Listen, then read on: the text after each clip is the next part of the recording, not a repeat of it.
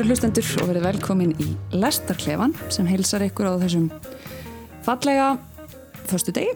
Það eru svolítið fjölbreytt veðubreyði sem við njótum í dag í það mesta hérna á söðu vesturhóttninu. Það er kraftur í veðrinu og það verður kraftur í þeim umræðum sem er í þessi stað hér í dag. Í það minnsta ef að eitthvað má rína í persónuleika minna gesta. Það eru Páll Ásker Áskersson, fjallaleðsugum aður, rítufundur, skáld og bladamadur og Vala Kristín Eiríksdóttir, leikona, handriðsöfundur og framleiðandi sem að ætla á næstu klukkustund eða svo að ræða venjusamkvæmt þrjú efni. Við ætlum að spjalla þessu um sjónvarstáttaseríuna Queen's Gambit sem að flestir kannast eflaust við var frumsýnd á Netflix á dögunum og margir hafa gleift í sig á með tíma. Sen ætlum við að tala um hlaðvarpseríu sem heitir Með lagsnes á heilanum sem að Gljúrasteinn gefur út þessi misserinn á Spotify og svo ætlum við að ræða kvikmyndina Barn, norsku myndina sem hlaut nýverið kvikmyndavelun Norðurlandaráðs og uh, hefur verið til sínis í Bíóparadís og víðar. Verið velkomin í þáttin, bæðið tvö. Takk fyrir kærlega. Byrjum á Queen's Gambit. Þetta er hérna mynd með kannski frumlega efnistök, að allavega ekki hverjum degi sem var sér mynd sem fjallar svona í það minnst að yfirborðinu um skák og, og skáksnillinga. Þetta er sum sé míniserja, svo kalluð, ör þáttaröð sem var frumsýnd 23. oktober á Netflix. Og leikstjóru hennar er Scott Frank og Allan Scott. Og hún byggir á samnemndri sögu Volters Tevis sem sjálfur er skápmaður bísna flinkur. En þetta er sem sé skáltsaga þótt að það hefði svona læðstamanni grunur þetta byggi á, á raunverulegum atbyrðum þá er þetta e, enga síður svona nafninu til í það minnst að skáltu saga þótt að höfundur hafi gefið upp að hann hafi byggt þetta lauslega á svona hetjum aðalpersonum úr skákheiminum síðustu ár En hún fjallar um munaðaleysingjan Beth Harmon sem lærir að tepla á unga aldri og reynist vera undrabann á því sviði. Hún rýs skjótt til aðstu metorða í skákheiminum en hennar erfiða æska og uppvöxtur og fíkn, fíkn í hegðun setja svolítið stryk í reikningin. Og svo verður við náttúrulega að fetta þann vanddrataða vega að, að spill ekki fyrir hlustendum. Einmitt. Þessi vörum fólk við sem ekki hefur að horta til enda að það gæti verið að við flækjumst inn á þær slóðir en við svona kannski reyna svona að halda fyrir okkur stóru sprengjónum í þessu öllu saman uh, Vala Kristín, hvernig fannst þér yfirleitt þessi þáttaröð? Herru, mér fannst hún, ég hafði bara mjög gaman að henni sko ég, hérna, ég verði viðkjöna að það kannski ég horfi held ég með, með sko einhvern veginn í öð, öðru ljósa því ég vissi að ég var að koma að hinga að hérna að tala um þetta að þá alveg frá fyrstu sekundu væri bara hvað finnst mér? Og ég vil ekki kannast við það neilega í sjálfur mér en þá fer ég meira á hælana sko í staðin fyrir að bara einhvern veginn að leifa seríun að taka mig. Þannig að ég var svolítið svona greinandi en sko hún er opuslega vel gerð finnst mér og mér finnst fagurfræðin stórkursleg og handrið er spennend og eiginlega ótrúlegt að hérna að það sé hægt að láta maður vera spenntan yfir yfir skák bara með fullir verðingu að því að ég bara, ég tefli ekki og mér finnst þetta að vera svona utanfrá séð, ef maður er ekki inn í öllu þá finnst mér sko svona heildar yfirbræð skák kannski ekki vera, spennandar ekki er að fyrsta sem er þetta í hug, skilji. Um, hérna já, en mér var eitthvað mér var eitthvað hugleiki sko að hún er svolítið svona hafinn yfir raunveruleikan og það kemur ekki óvart að þú segir að sko, ég vissi þetta ekki að höfundurinn væri skákmar því að ég hugsa alveg, ah, aha, ok. Að að þetta er sveipað einhvers slags svona mystísku munuarfullum dyrðarljóma sem að þegar ég horfið svona gaggrínin skilur, þá, þá hugsa ég bara já, emitt, in your dreams skilur, ég meina íþróttamót er ekki eins og einhver svona, það er fókbóltið að sem á að vera eitthvað aðalega töff íþrótt. Hún er ekki svona munað full einhvern veginn og töff sko. En já en ég hafði óbúslega, óbúslega gaman að þessu sko. Mér fannst, mér fannst, mér fannst mjög skemmtileg mm -hmm. og spennandi og, og kannski eins gaman ég hafði af, af, af svona fagurfræðinni og hérna að þá fer það alltaf bara alltaf innst í mér einhver rött þegar það fer í tögunar á mér þegar allt er svona hérna óaðfinnanlegt meira að segja í í fíkninni og í stjórnleysinu að þá einhvern veginn að allir séu einhvern veginn glæsilegir á meðan mm. það fer í töðunar á mér sko Einmitt. en serían var skemmtileg Það var allt svona kannski svolítið stílisera að einhverju leiti áferða fagurt Hvað fannst þér, Páll Áskir? Trublaði það áhörunni? Nei, Ég held að greiningu völu sé að mörgulegt rétt. Þetta var uh, þeir sem að eiga mest lof skilið fyrir seríuna eru náttúrulega leikmyndbúningar og förðun sem að sveipuðu þessa, þetta svona, þessum dýrða ljóma, svona ævintýra heimur Já, þetta var svolítið ævintýri. sko. um, það, kemur, það er húsvörður sem leikur líki hlutverk snemma í seríunni þegar maður er búin að sjá hann okkur sinnum þá áttar maður að sjá því að hann er náttúrulega eins og nornin í hans og Gretur sko, hann er auðvitað ekki raunverulegur eða minnst kosti, hann kemur ekki þannig yfir það kann að vera að það hafi ekki vakað fyrir þeim sem gerðu þetta að hafa þetta raunverulegt þeir ganga gríðarlega langt í því eins og Vala sagði að hafa húsbúnað fatnað, andrúmsloft bílana mm. hár og smink, síðast en ekki síst alltaf er og rosalega Já. 60s Já, þetta, er, 1960s. þetta er sem sagt uh, þetta er svona, þetta er tíðarandi á styrum ef þú vilt nota það orð. Og ég er ekki frá því sko að frásögnin hafi á köflum goldið fyrir það vegna þess að þegar þú sveipar þetta, setur þetta í svona æfintirabúning og keirir upp alla liti og, og all, allt ytrabyrðið að þá geldur innihaldið svolítið fyrir það. Því að, að þetta má eiginlega segja sko þetta á köflum þá fannst mér þetta tínast í periódinni sko allt þetta, allir þessi fínu kjólar og allt ve- veggfóðrið og flottu bílarnir og þetta. Einmitt, og drikkirnir síðast en ekki síst. Hvað var það raunveruleikan að þá hérna uh, var þetta aldrei gaman að sjá að, að ég veit nóg mikið um skák til þess að, að ég áttaði með því að, að mjög margir skákmeistarar sem eru nefndir hann, þeir voru til í alvörunni. Já. og ég var örlítið fói fyrir hönd Íslands að því að Spassky er nefndur en ekki Fischer mm. og eftir á að hyggja kannski svolítið sérkennilegt miða við það að þetta gerist í Ameríku millir 60 og 70 að Fischer sést hvergi og hérna þannig að það þessi meðvitað ákvörðin að, eh, hérna, skrifa hann út en ofan á þessa fín periodu og búningan og allt saman er síðan lagt svona handrit sem að er basically svona uh, rocky einmitt. þetta er, þetta er svona sko hámhorfið hefur gert okkur alla handrit sérfræðingum sko. þannig að, því að nú getum við séð sko, það er svo auðvelt að sjá þræði í gegnum heilar seríur og, og brotalamir ef þú ert að leita þeim sem maður er óhjákvæmilega að gera þegar maður er, fær svona heimaverkefni eins og þetta. Að eh, mér fannst mjög auðvelt að sjá þessa megin þeoríu að, að allar kvikmyndir og þáttaræðir það eru framöndar í Ameríku þá er þetta kúrikamynd í, í grunninn.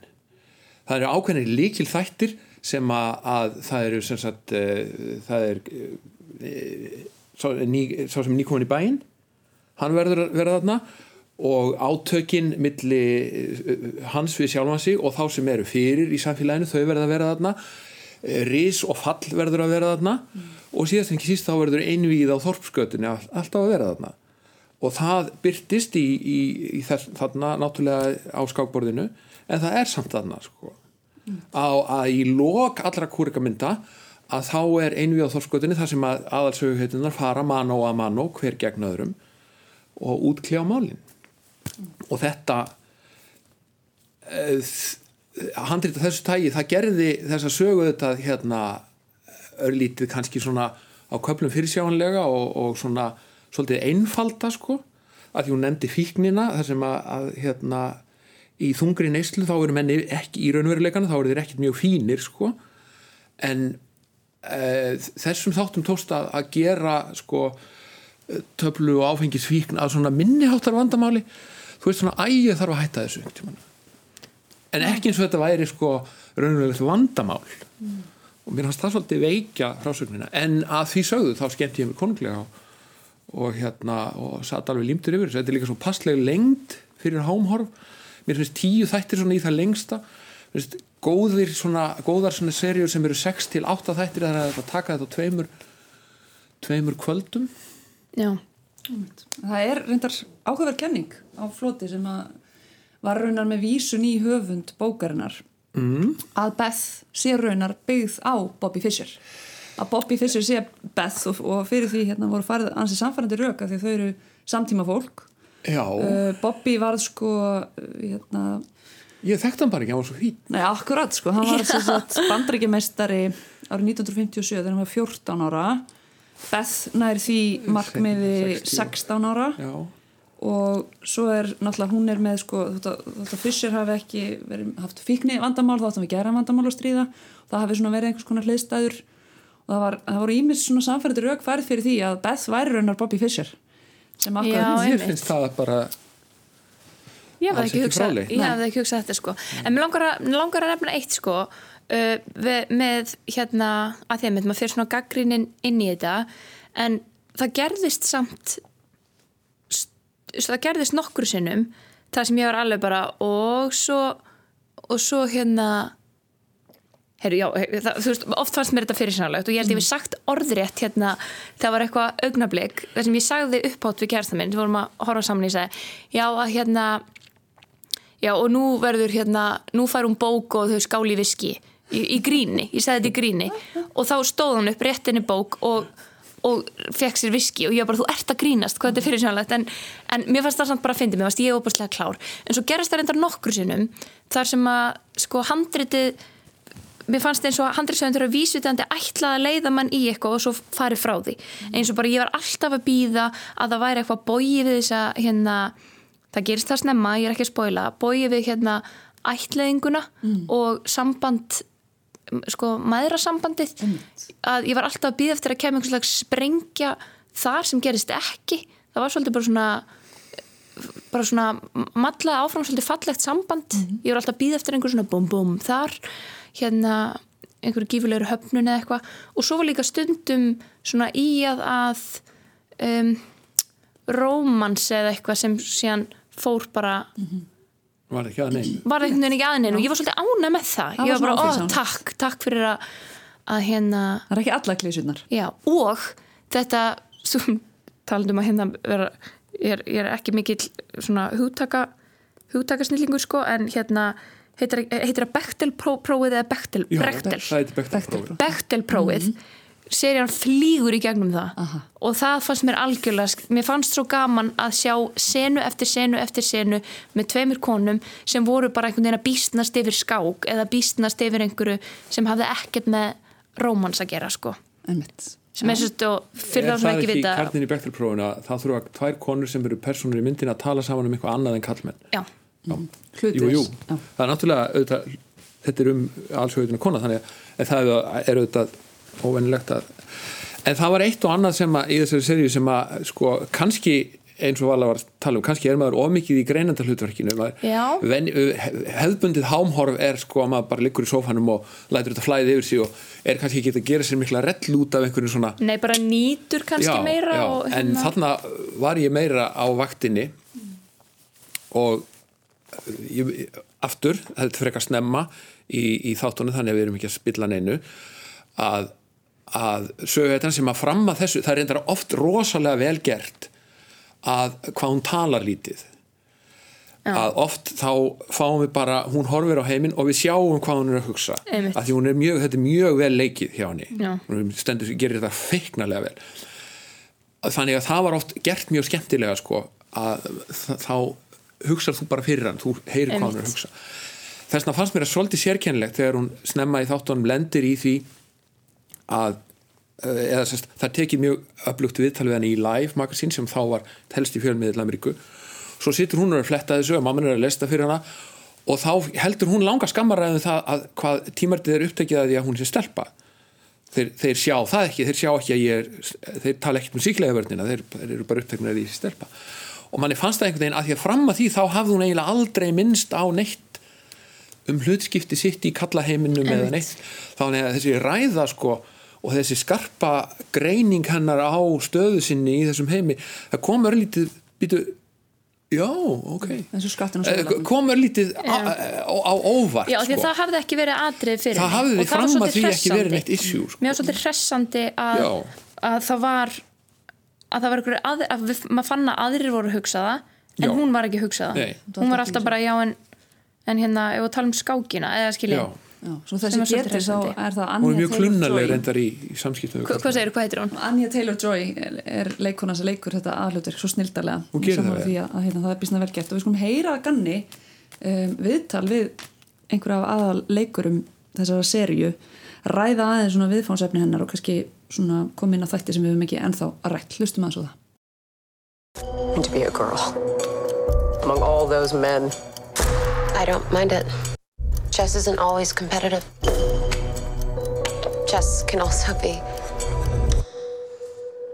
beautiful. You're an orphan, Beth. I'm fine being alone. I feel safe in an entire world of just 64 squares. Now, chess and chess terminology are obviously a huge part of this show. What was your level of chess knowledge before taking on this part? Zero. None. I knew there were pieces, I knew there was a board. Um, but that's actually kind of what was awesome about getting to do this was that I got invited into a very secret world that's super cool and really interesting. A lot of the chess, especially the speed chess, was my favorite part of filming. It was so exciting to be able to have the pressure of like, okay, you have to learn this very complicated sequence over three boards as quick as you can in five minutes and just like give it a go. I loved it. It was like up there with the proudest I've ever been of something that my brain was able to do because I tricked myself into believing I was a really good chess player. I knew how to play the game. Um, I was aware what each piece did. I used to play checkers when I was uh, a child, so it's a similar board. And then my mum bought me chess pieces. But I no, I can't. That, that's about it, really. I, I- I knew what they all did, but I, I- I couldn't formulate a game or think 10, 15 steps ahead of anyone. Yeah, she's battling her own enemies, her own demons, and um, I think that's what's lovely about it. I think that's what, regardless of whether you like chess or not, uh, you'll get away from it is that you everyone battles their own demons and everyone struggles with themselves the most more than anyone else um, and that that's the hardest one to combat. Ch- chess is a world where you have a, an opponent. You that is your enemy. Um, that's the person you're supposed to tackle and um, and deal with at the time. But the biggest person you have to deal with is is yourself and how you play the game. So I, I think that I think that's why it will um, hit home for a lot of people that um, don't necessarily love or know anything about chess. Þarna heyrðum við sérst í Önju Taylor-Joy sem leikur aðalhuturkið og Tómas Brody Sangster og svo ég skjóti því nú aðeins inn í þá var ég svo lengi að brjóta heilanum hvaðan ég kannast við hann. Þetta andlit var einhver svona djúft onni í vitundinni. Ég, myndi eftir að hafa séð þetta andlit þessi andlit strækti í einhverju kvikmynd áður. Og síðan stóðst ekki freystinguna lengur og fór að googla og komst að því að þetta er sérst barnið úr Love Actually Já, að ég gat ekki sé neitt annað en barnið og Love Actually. Og ég hugsaði bara, heyrðu, hvað hva er þú að drekka vín með einhvern kúrikahatt, litli minn, Já, ég, gat, ég komst ekki út úr því. Sam, hérna, mjög svipsterkur einstakt andlit sem að gleymist ekki auðveldlega. Og ásækti mig þarna svona var smá alveg móli alveg eins með skegg. Smá móli sem eru kannski velta mjög gott að hafa ekki vita þetta. En þannig er einmitt að, að hérna, nefna svolítið þetta þeim að það er raun engin svona skilgreyndur skurkur í þessari mynd. Það er engin vondikall, þetta er allt svona breyskir persónleikar um, margleiða nokkurt veginn og engin kannski sannur andstæðingur annar en maður sjálfur ah. og hvernig hún er að kljást við sjálfa sig og meðan hún tekur niður andstæðingar sína fullur hörku á tablborðinu og hérna þá var hún svona aðeins erfiðari með andstæðingi sem er hún sjálf Já. hennar kannski helsti helsti óvinn og svo varst mér líka áhugast að heyra með leikarana þeir voru nú ekki miklir skákmenn Nei. fyrir þetta en þurfti að læra þessa leiki utan að og hérna, hvernig, hvernig var með ykkur? Fenguð þið endur nýjan áhuga á skák eða nýjan áhuga á skák eftir að hafa haft á þetta? Ég, nei, ég kann að tefla sko. en, en það var og, og mér skilst, ég las það í fréttablaðinu núna í vikunni að það hefði verið menn þau tekið á sig krók til að hafa sumt að þessu mjög trúverðugt. Og þannig til dæmis í fjöldtefli mjög snemma í myndinni þegar hún tefli fjöldtefli við skákklúpin eða einhverja eh, félaga þarna að þá er í einni af skákonum þá er notuð raunverulega sk- eh, skákin þegar að Friðrik Ólafsson vann Mikael Tal 19, sko eftir 1960 ég verði að vikina að það fór fram hjá mér í áhorfinu. Ótrúlegt. ótrúlegt. En nei, ég hérna eh, ég var satt að segja stundum að googla svolítið sko til að rifja upp. Ég fekk aldrei á heilan sko að átta mig á því hverjir væri raunverulegir og hverjir ekki sko. Og hérna og var alltaf að leita Fischer en nú ertu búin að finna hann fyrir mig. Fischer er Beth já, Fischer er Beth. Og þá er Beth. leinithjónustu maðurinn sem fer með henni úr landi þarna í lokin, hann er þá Sæmi. Rock, allt svo sem var vinur og fylgdarmaður Fischers á Íslandi. 1970. Mín tengslu við þetta eru, eru þau að hérna þegar Fischer og Spassky keftu um heimsmyndstaratitilin í Laugardal 1900 og hvað var það? 71? 72 72 ég sá tvær skákir hér í höll ég var þar. Já, viðstættur já. Og fó- fór meiri síðan nýri kjallara í lögatarsöllinni og sá Guðmund Artlöksson uh, með langt prigg að, að vopni íta einhverjum pappamönnum til á borð, stóru Einmitt, borði já. þetta var ekki digital sko, þetta var bara allt saman analog eða þannig, þetta var allt handvirt. Og þar var hann að skýra út skákinar þess að það mátti auðvitað ekki segja neitt inn í keppnisalunum sjálfum. Þannig að það voru salinir í kjallara þar sem að, að nördarnir sátt og hlustuð á Guðmund útskýra hvað það var sem raunverulega gerðist upp á sviðinu Þetta- Einmitt, Þetta er svona alveg ný veröld fyrir manni Já. í það minnstu fyrir mér að- að sjá til dæmis leiklýsendurna lýsa þessu af engum minni innlifun og Já. spennu heldur en leiklýsendur lýsa fótbolta og Einmitt. handboltaleikjum. Og sástu Ég held mannin með sjónaukan á hérna Já, einmitt. Ég sko, ég held að hérna ég held að þetta sé þú veist, ég vona að þetta sprengi upp aðsókn í skák. Ég vona það. Og hérna og þó að þó ég hef sagt hérna áðan að, að, skák væri ekki fyrir mér eitthvað spennandi fyrir bara svona utanfrá séð þá held ég þetta sé, þú veist, þetta er bara eins og þú veist, allir, þú veist að að komast inn í heimin og skilja innra gangverk, þú veist, og fólk sé oh, vá, hann gerði þetta, því koma mér á óvart. Og ég bara, hæ, skilur að ég vona að þetta sprengi upp hérna áhugan og, og bara vona þess vegna líka að fólk fara bara að mæti, mæti kjólum og stífmálað og blásið og vera bara horfa djúft í auguna andstæðingu sínum, skilur ég vona það, sko, Já. ég vona þetta verði að þetta er bara eins og hérna þú veist, kannski færast einhverjur úr tölvuleikjum og yfir í yfir í skákina bara. á þennan lista hefur kannski mátt líka bæta að, að drekka Gibson í staði fyrir Martini vegna þess að það er miklu fítna nákvæmlega. Að laukurinn í Gibsoninu er miklu meira elegant heldur en ólífan í Martini. Kendi mann ímsar leksir maður lærði eitt og annað. þessi seria en nóg komið að Queen's Gambit. Ég ætla sem ég er búin að gera þessari seríu ágæti skil.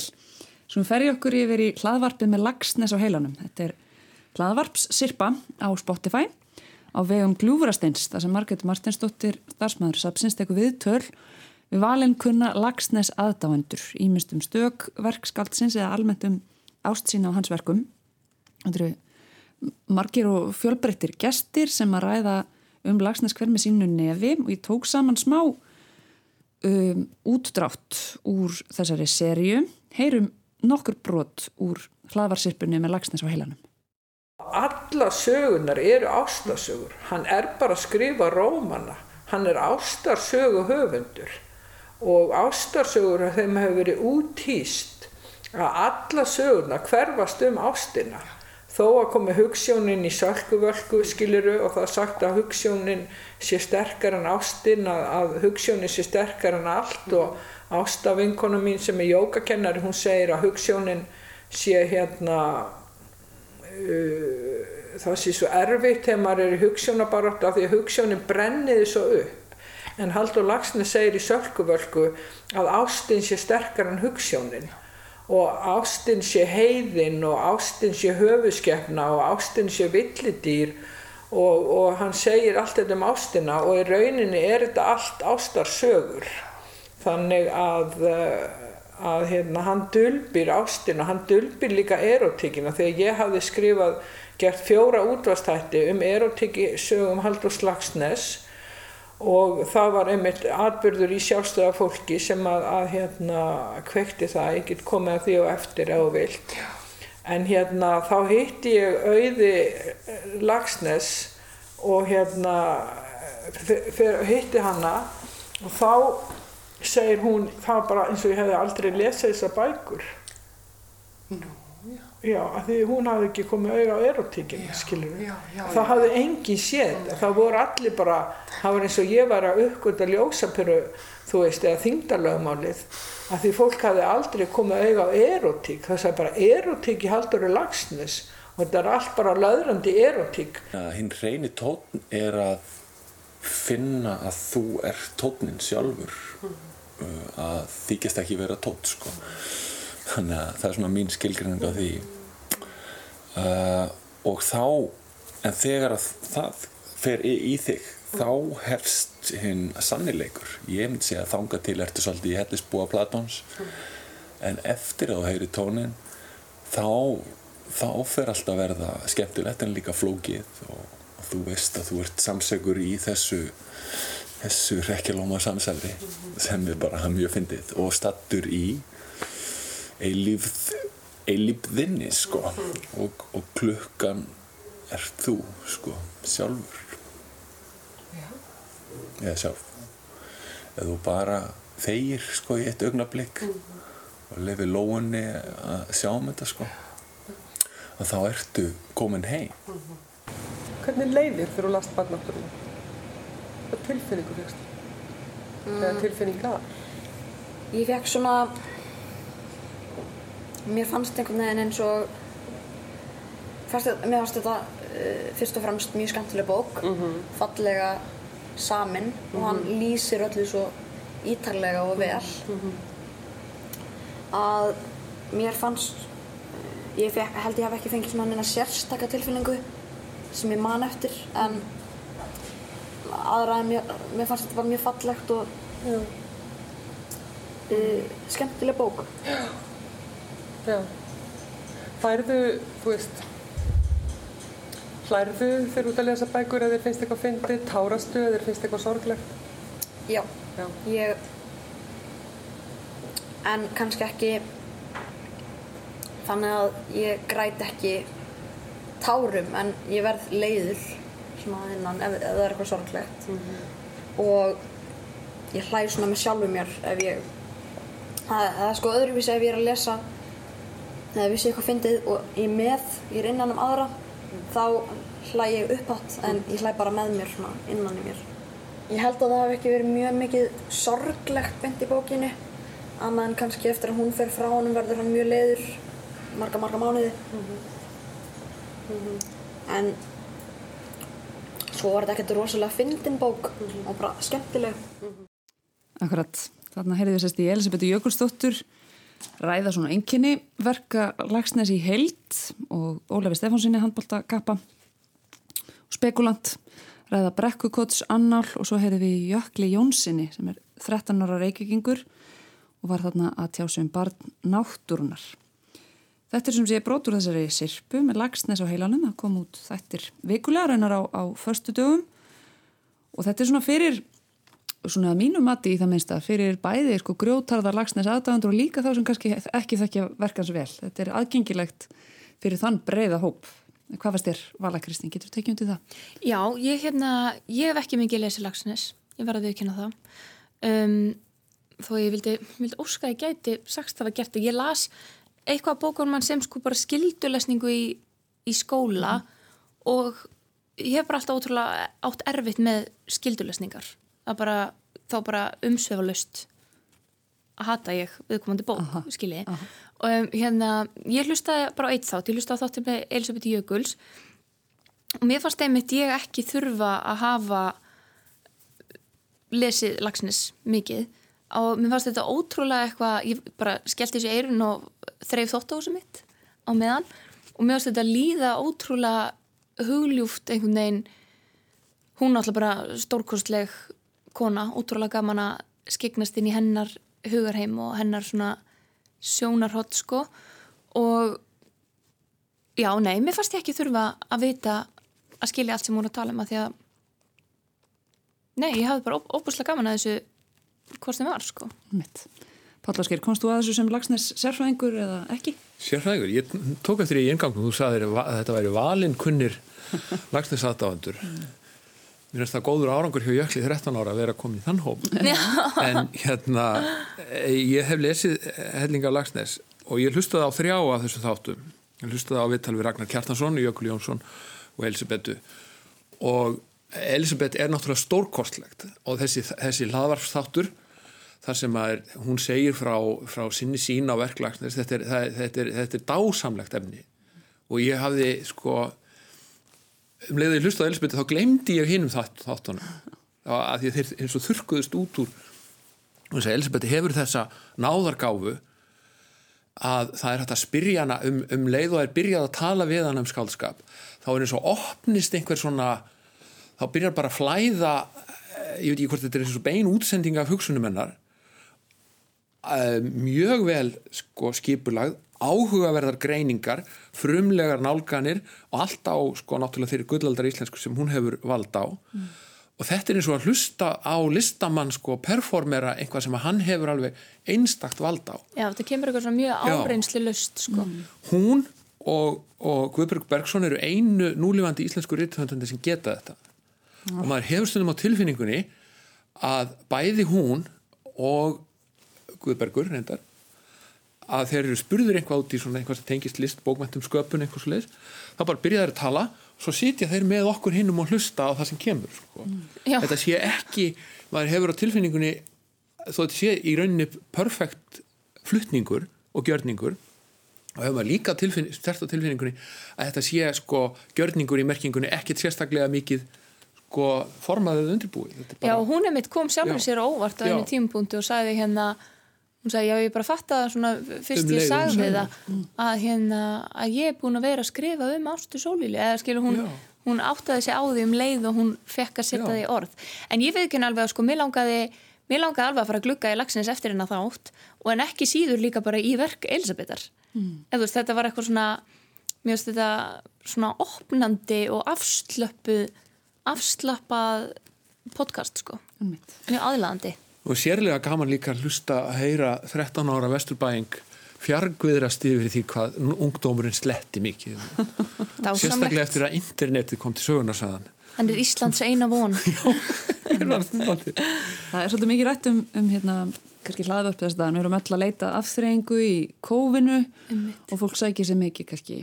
Um mitt hlaðvörp þess að en það er líka nánast verist manni pínulítið eins og annað hver Íslandingur sér hreinlega komin með hlaðvarp. Það er Já. svona ofgnótt af þeim og utanfrá sig þegar maður sér á blaði kannski hlaðvarstátt kynntan sem sko umfjöllun um verk einhvers höfundar Einmitt. það er kannski ekki það mest spennandi svona þegar maður heyrir nefna sér þeimun harðari aðdáðandi þess höfundar sem á í hlut en þarna eins og þið nefni þá verður til eitthvað frumlegt, eitthvað lífrænt og eitthvað sem stendur algjörlega sjálft kannski sem afþreying, einblástur og, og annað slíkt þannig að hérna þá sérstaklega við Elisbetu mm, eh, hinnir sem ég hlustaði á sko, sérstaklega Ragnar hafði ekki eins mikið vald af þessu náttúrulega.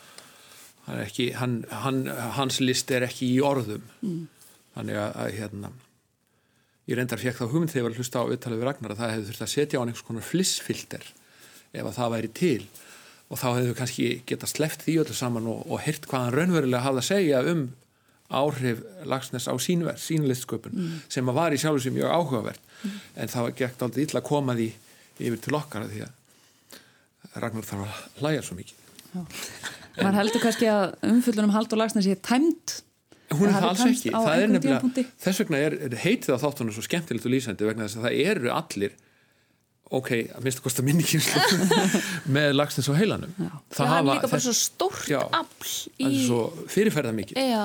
og eins og sumir, eins og Ragnar sagði, svo ég vitni nú í Ragnar, að ha- hann gerir sér eiginlega ekki grein fyrir því hvenar hann byrjaði að lesa lagsnes og hann finnst hann hafi bara alltaf verið þarna, hann er alin upp inn í verkinu, Mm. kannski vegna þess að hann er alin upp af leikursfólki sem að var að sviðsetja Lagsnes hann akkurat um þann í þær myndir sem að Ragnar byrjaði sjálfst að taka eftir umhverju sínu Mm. En, en það hefði ég er ekki frá því að minnst að kosta á vissu aldurspili að þá hefði verið þetta að kalla á nánast hvaða Íslending. Það hefði mátt, kannski mátt velja eh, viðmælendur random úr símaskráni að, að þeir hefðu allir áraðanlega haft einhvað að segja um Lagsnes já, einmitt Og- nema kannski ég. Ég, ég nei, nei nei, nei, þú kannski mannstu nú eitthvað því sem var sláttinn lesa já, já, já.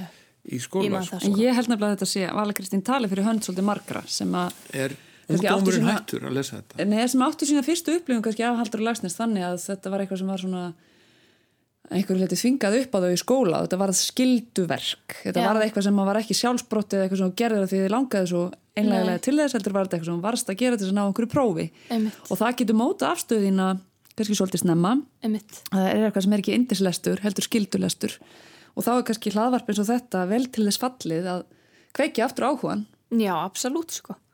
Ég er alveg, ég er alveg sé það fyrir mig, kannski það bara frábært í listan af aftreyingu og innblæstri í, í COVID sko. og svo er það mitt að þetta er mitt líka eins og, og nefnum vala að maður er kannski með samvinskupið yfir því að hafa ekki lesið meiri lagsnes að því að manni líður Já, mér líður eins og vanti bara eitthvað í mig. Já, það er eitthvað sem ég- verði að gera sem íslendingur, það sé bara skildamanns Já, ég leyni þessu gjarnan. En núna hef ég, er ég búin að koma út með þetta. Lagsnesskömmin. Þá skal ég játa það að þetta var fyrsti hlaðvarpstátturinn sem ég hlusta á um æfina. Heyrðu, það er þú ert, heyrðu, ok, ok. Á baðabóa. Gerir En þá allir. áttu það, þá skemmtun í vændunum að ég veist að flestir sem að, að eru aðdándur lagsnes, þeir hafa upplifað það að taka bækur hans upp aftur, Já, seinna á Já. og lesa þær aftur og þá kemur alveg ný upplifun. Já. Þá, þá uh, Bjartur í sumarum sem hann virkar allt öðruvísi á mann þegar maður er færtugur heldur en þegar maður er, er tvítugur. Já, einmitt. Við þurfum að fara að lesa þetta á eigin fórsendum. Já. Einmitt. Ég laka til.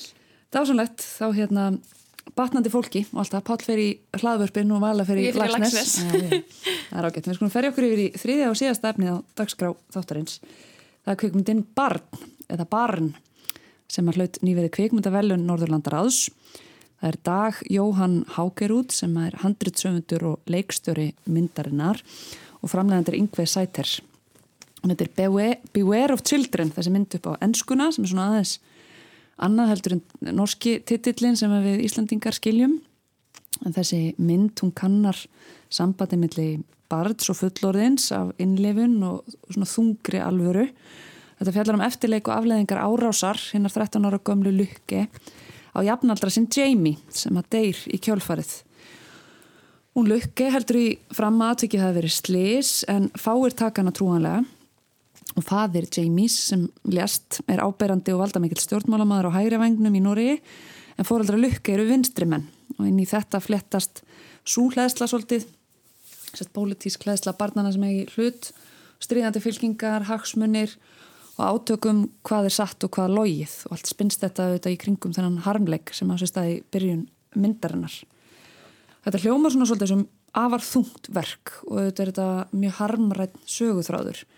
En hún hefur marga fleti þessi mynd og hún er svona dýnamísk í það minnsta fast mér e ekki alveg jafn þung og alveg gefin eins og kannski söguþráðun gefur til kynna Vala Kristín, hvernig fannst þér þessi norska velunamynd? Sko, mér fannst hún stórkostleg og ég hérna lendi í smá óhappi þannig að ég hérna með, með fælin að ég náði ekki síðustu 40 mínúndunum en engu að síður þá hérna og ég fekk alveg bara nei þegar tölvan, tölvan hætti að, hérna, að sína mér hana. Ég, ég var algjörlega svona mind blown ef ég má sletta. Og kannski þarna auðvitað Queen's Gambit fara að gjalda fyrir þetta því þar er eitthvað svona liftu fyrir raunveruleikan og þarna í, í, í bar, barni þá ertu einhvern veginn með svona lamandi lamandi raunveruleika einhvern veginn. Og mér fannst alveg magna mér fannst senunar oft langar og kannski bara eitt vingill og hérna og, og það var svo mannlegt farið úr svo fallega að skrifa, sko farið úr að ræða hennan harmleika og hvernig að díla við það og það er einhver krísufundur og, og svo er allt í nú bara skotin í að höra hérna já, exemið þitt er að taka sig upp aftur við verum endilega hérna ná í smyrslið fyrir exemið og, og svo allt í nú aftur, eða þú veist, mér finnst þetta bara svo mér finnst þetta alveg svona lamandi satt þessi mynd og, og, og fyndin fyrir vikið, sko, stundum að hérna bara fárónleikin í í því að vera til. Bennast að þó eitthvað ræðilegt kom fyrir og þú ert að díla við það, þú ertu bara líka einhvern veginn að hugsa um, hugsa um hérna að klippa tánaglunar og, og allt þetta. Og ég ég er algjör sökkar fyrir því sko. Mm. Þetta er svona hýperrealismi það er svona jafnvel þótt að sorg kannski enginni dagan okkar í kjálfarið og einhverju áfalli eins og því sem að sögupersonur myndarinn að verða fyrir þá þartið mitt samt að kljást við hverstaslegar aðtapnir og yðjur Já og líka bara fyrir ekki bara skjóta inn í bæði þetta með bara hverstarslegu sem þú þarf að gera til að sinna sjálfum þeir en allt í nú að inn í öllu þá er allt í nú eitthvað segir einhver eitthvað við þig yfirmaðin segir eitthvað við og það stuðar þig og þér finnst þú knún til að grípa samstagskornaðina af síðan og segir, var þetta ekki svolítið ósangjant af henni að byggja mig um þetta eða segja þetta við mig? Og nefnist það bara svolítið fáralegt en ég þurfti sko að sækja krakkana. En það er bara harmleikur yfir öllu. En við erum ennþá bara í í hérna einu smáa og sko þessu flókna neti sem að tilfinningarnir okkar eru Mm. og viðbröðun okkar. Og ég, ég fyrir ekki greið fram fyrir þið, misti það bara, ég var alveg límt sko, Já. Guð, mér fannst þetta skemmtilegt. Já, persónur, það er ekki hægt að segja hana en persónur þessar myndar hafi verið mjög raunsæjar, raunhæfar, mann fannst þetta nánast bara svo klift út um hans eigin raunveruleika kannski skiljanlega, þetta er eitthvað sem gerist bara í samtímanum í útkverfi Oslovar og, og þannig er líka kannski svolítið borið saman hegðun fullortnafólksins og barna og, og svona kannski svona það hlægilega hreinlega eða svona hégóminn og vandræðilega heitin í fullortnum fólki. Inn í þetta flettast líka ástarsaga, svona nánast forbúðin ást og þetta er, já, þetta er rosalega margir þættir sem koma þarna saman í þessari kveikmynd Pallarsk, hvernig fannst þér? Ég er hrifin af, af greiningunni lamandi raunveruleiki vegna þess að, að það eru nokkra senur í þessari mynd sem eru það nákvæmlega e, bæði eins og hún talar um langar og já svona svo bein útsending af kennarafundi Mm. það er ekki spennandi, það, virkaði á mann á köplum eins og að sitja og horfa á beina útsending af kennarafundi, það, það getur aldrei orðið skemmtilegt. En, en á sama hátt að þá er, er ég sammála völu um margt sem hún segir. Þetta, þetta næra sín okkur sko áhrif harmleiksins á hegðun okkar og samfélagið í, á marga mismunandi vegu. Og mér finnst líka gaman að, að á þessum tveimur og halva tíma sem myndin er að þá, þá stoppaðir þú líka við tánaglaðatrið það er löng sena þar sem að sko foreldrar í krísu sitja og tala saman um áhrifin á batnið og hann situr alveg upp í myndavélinu og er klippast á tánaglunar og það er svona maður býr alltaf eftir að einn fljúi í myndavélina en það margt mjög það yfir þessu líka þessi hjúpur af sko skandinavískum realisma eins og sem að kannski hljómar daldi neikvætt en þú veist það er, þetta er ekki spennandi borgar umhverfi, sólinn er látt á lofti, það er haust, það er kallt og það er, þetta er svona hráslagalegt allt saman. Svo er fullt af óþólandi fólki í þessari mynd sem getur sko gert mann, getur gert mann brjálaðan sko, bara að hlusta á það sem það var að segja, einhvern veginn slígað af, af sko uh, pólitískri rétthugsun og, og alls konar meðvirkni og, og svona leiðinda þáttum í mannlegum samskiptum sem að en að öllu þessu sögðu þá var þetta vísna gott sko. Já, mér varst það með svo skemmt sko, ég, en eins og ég segi, þetta er hérna bara ég, svona fær mig oft allavega til að, að tikka sko og sérstaklega þú nefndir þetta en hann langa langa kennarafund sem er sko sem er rétt, hann, hann, hann er ekki skemmtilegur eða sinn sko Maður að- já, mm. fyrir að sletta einn og fullu, nei en sko en hann, hann eða sko, ég, ég fór að skemmta mér svo mikið yfir því ég bara byrju, ætlaði ekki að ætlaði ekki að klippa, ætlaði ekki að er, nei við erum bara hérna. Við erum bara hérna í tíu og, en allt flæði svo eðlilega. Ég bara, ég var stundum að hlæja að sko fáránleikanum já og að líka bara sko ákvarðanatökunni. Það var svo skýrar ákvarðanir og eins og bara það er eitthvað svona þema í gegnum, gegnum mynda sko í tökustílinn oft dvelur myndavélinn áfram sko á þeim sem er ekki að tala Mm. þú fylgist með einhverjum hlusta á einhvern annan og svo þegar viðkomandi líka máli sínu þá oft er skipt yfir og það fannst mér algjörlega briljant sko. að heyra einhvern sitja svona einhver farin úr rýminu og þú veist önnur senarunni byrjuð í öðru rými en eftir situr með einhverju fólki sem er ekki lengur þáttakandi í umræðinni sem heyrir svona óminna samtali með þetta brjálaðislega fyndið sko. Mhm.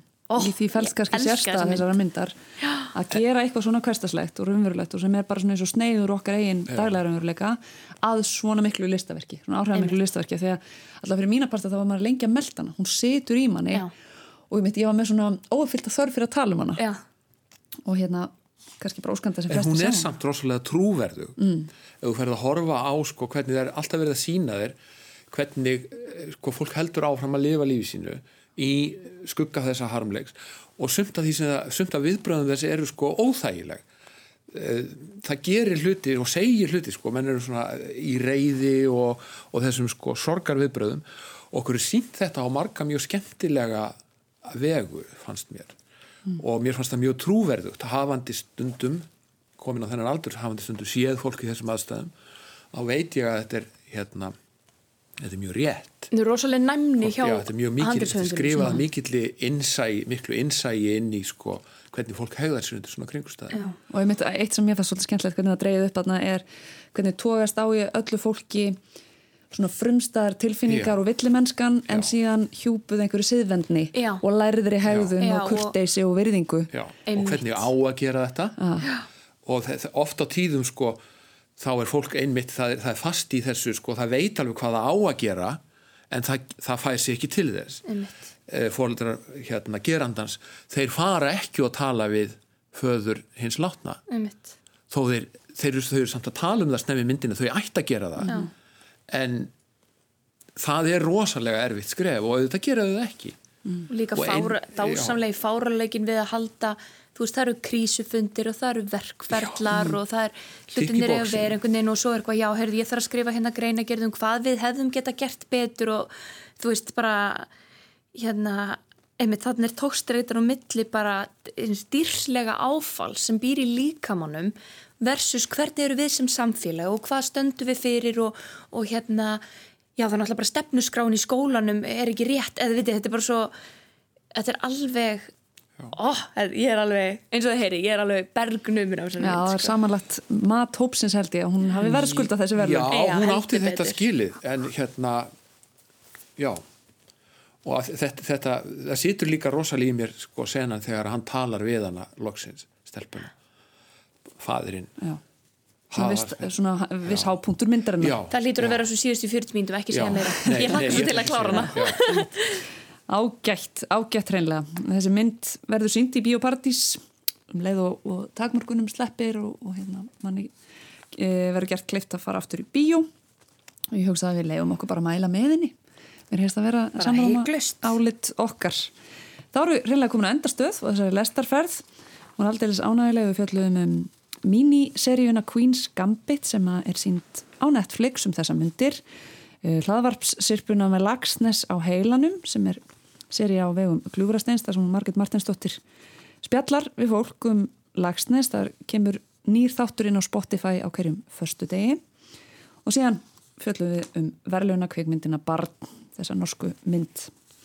Ég þakka ykkur kærlega fyrir þessa áhugaverðu og skemmtilegu lestarferð. Páll Áskir Áskirsson, fjallarleðsögumæður Rítvöndur skáld og blaðamæður Vala Kristín Eiríksdóttir, leikona handritsöfundur, framleðandi hundægjandi ímiskonar, ímiskonar hlutar sem við tökumst á við og ég ætla að lega mér að ljúka þessum þætti á broti úr með lagsnes á heilanum, þessar hlaðvarsirpu sem við fjöldum um. Mér fannst eiginlega ekki hægt að ljúka þættinum að þess að við fengjum að njóta örlítils brots á lestri Jökuls Jónssonar á ljóði Halldórs Lagsnes sem heiti Dáið er allt án drauma. Fannst hann flytja þetta svo einstaklega vel þessi ungi piltur og svo leifa honum með eiga síðasta orði í lestarklefa dagsins. Takk fyrir ánægilega ferð. Já, horfðu inn í hólinn, því hann er kirkjan þar, og líktu í gegnum ljóran á ljósa krónurnar. Úti er hringt og óðar er úti draumur sá, síðustu hljómar hljóðuna, höfgi flýr á brá. Það er sælt af sopna og svíf í draumlönd inn, dáið er allt án drauma og dapur heimurinn.